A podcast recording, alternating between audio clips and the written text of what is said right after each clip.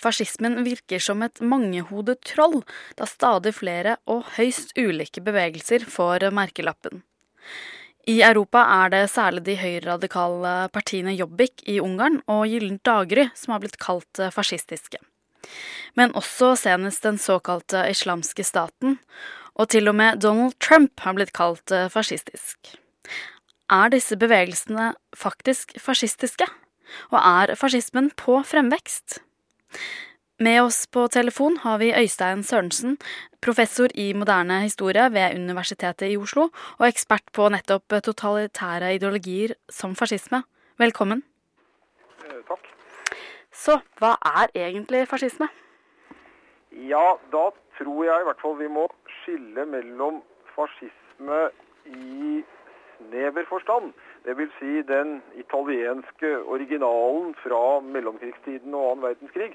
Og fascisme i videre forstand, som kan være ja, nær sagt alt mulig av regimer og bevegelser som i større eller mindre grad ligner på originalen. Fascisme i den opprinnelige versjonen, den italienske, ja, det var et diktaturregime men det var mye mer enn det. Det var et diktaturregime med store vyer og visjoner om å skape et annerledes samfunn og nye mennesker. Det var et brutalt regime som dyrket vold, som øh, var mot demokrati, mot marxisme, mot liberalisme, og ønsket å erstatte klassekamp og partipolitikk og sånn med et tett nasjonalt fellesskap styrt av en allmektig stat. Fascistene de ønsket ikke bare lydige undersåtter, de ønsket også å kontrollere menneskenes sinn. Så kan vi si i videre forstand, ja, har vi jo hatt veldig mange etterlignere og regimer og bevegelser som i større eller mindre grad ligner på originalen. Og da blir det vel eh, ja, en eh, smakssak eh, hvor man vil sette grensen for hva man vil kalle fascisme, og hva man mener er utenfor en rimelig betraktning om hva fascisme er. Kan vi si at fascismen har endret seg siden andre verdenskrig? Vært gjennom en slags evolusjon? Nærmest rekonstruert seg til å passe inn i, inn i dagens samfunn? For det høres jo på en måte litt Eh, gammeldags ut, det du snakker om. En korporativ stat og menn som marsjerer i brune skjorter. Ja, da, eh, det er mange som vil operere med et begrep om neofascisme. Som er en litt uh, ullen betegnelse på mange forskjellige bevegelser og regimer i mer moderne tid, etter annen verdenskrig. Det er bevegelser i Italia som direkte er etterfølgere av den gamle opprinnelige fascismen.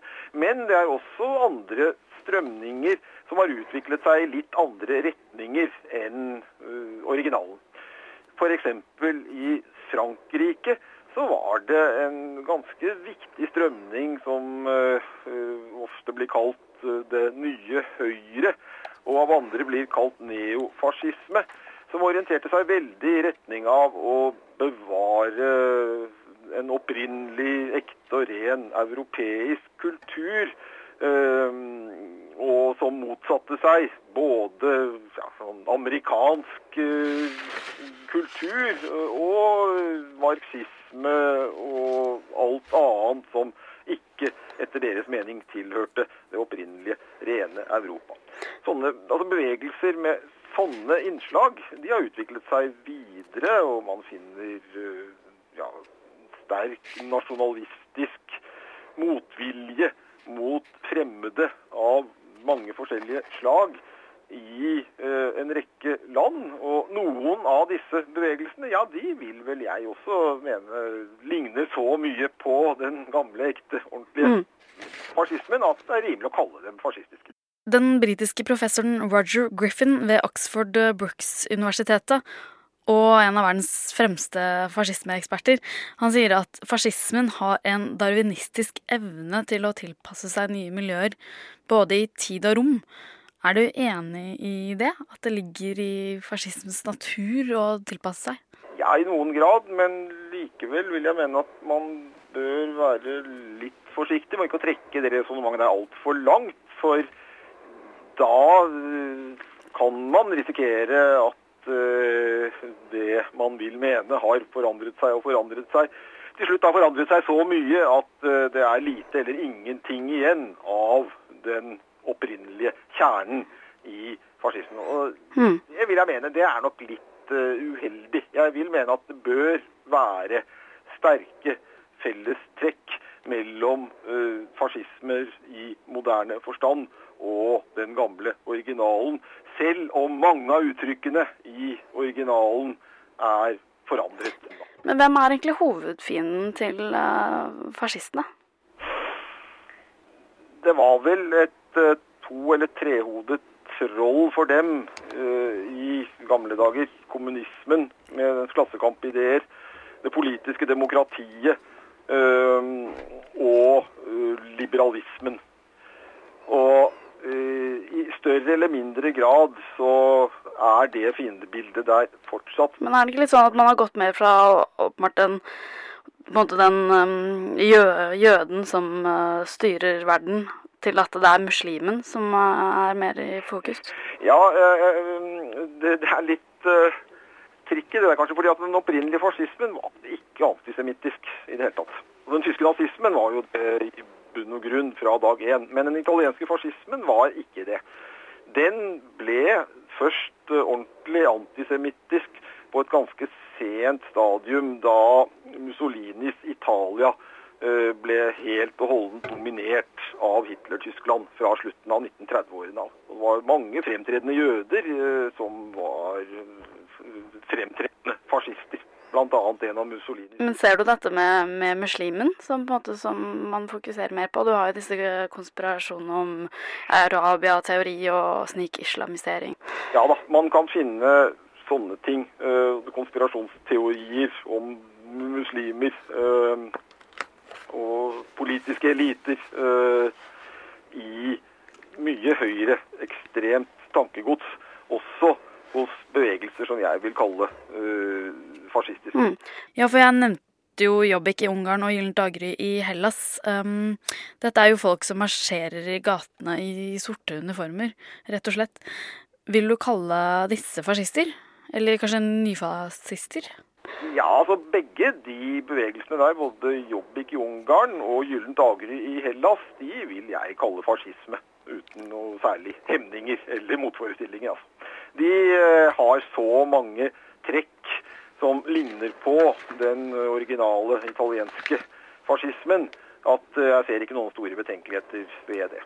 Front Nasjonal i Frankrike, da? Nei, de vil jeg ikke kalle fascister.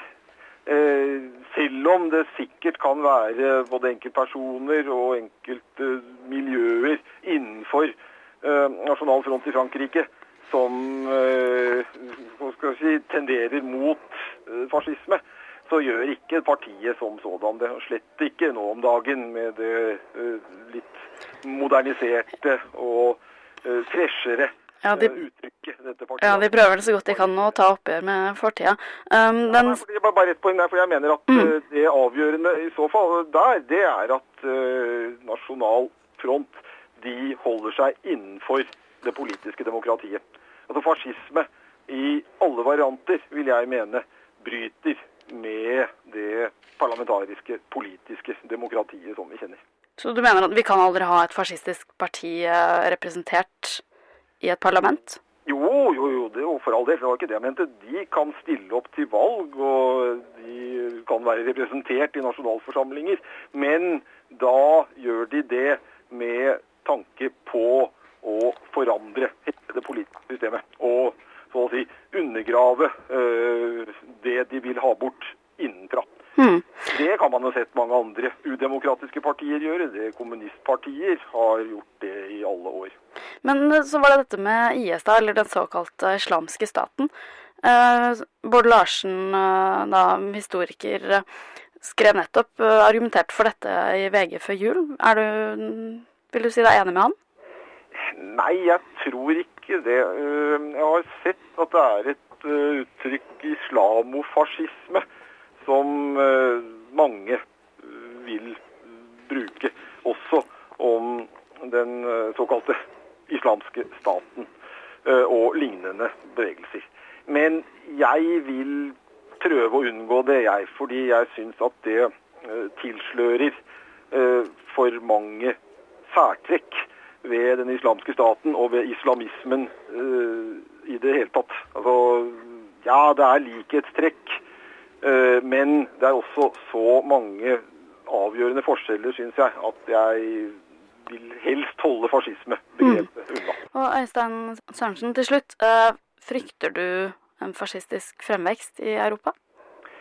Jeg frykter i hvert fall en sterk oppblomstring for høyreekstremisme og aggressiv nasjonalisme av ulike slag. Og hvorvidt øh, denne oppblomstringen også blir en oppblomstring for fascisme, ja, kanskje. Men den kan også ta seg andre uttrykk, som jeg i hvert fall ikke uten videre vil kalle fascistiske. Uten at de nødvendigvis blir noe bedre for det. Tusen takk til deg, Øystein Sørensen. Du er altså professor i moderne historie ved Universitetet i Oslo.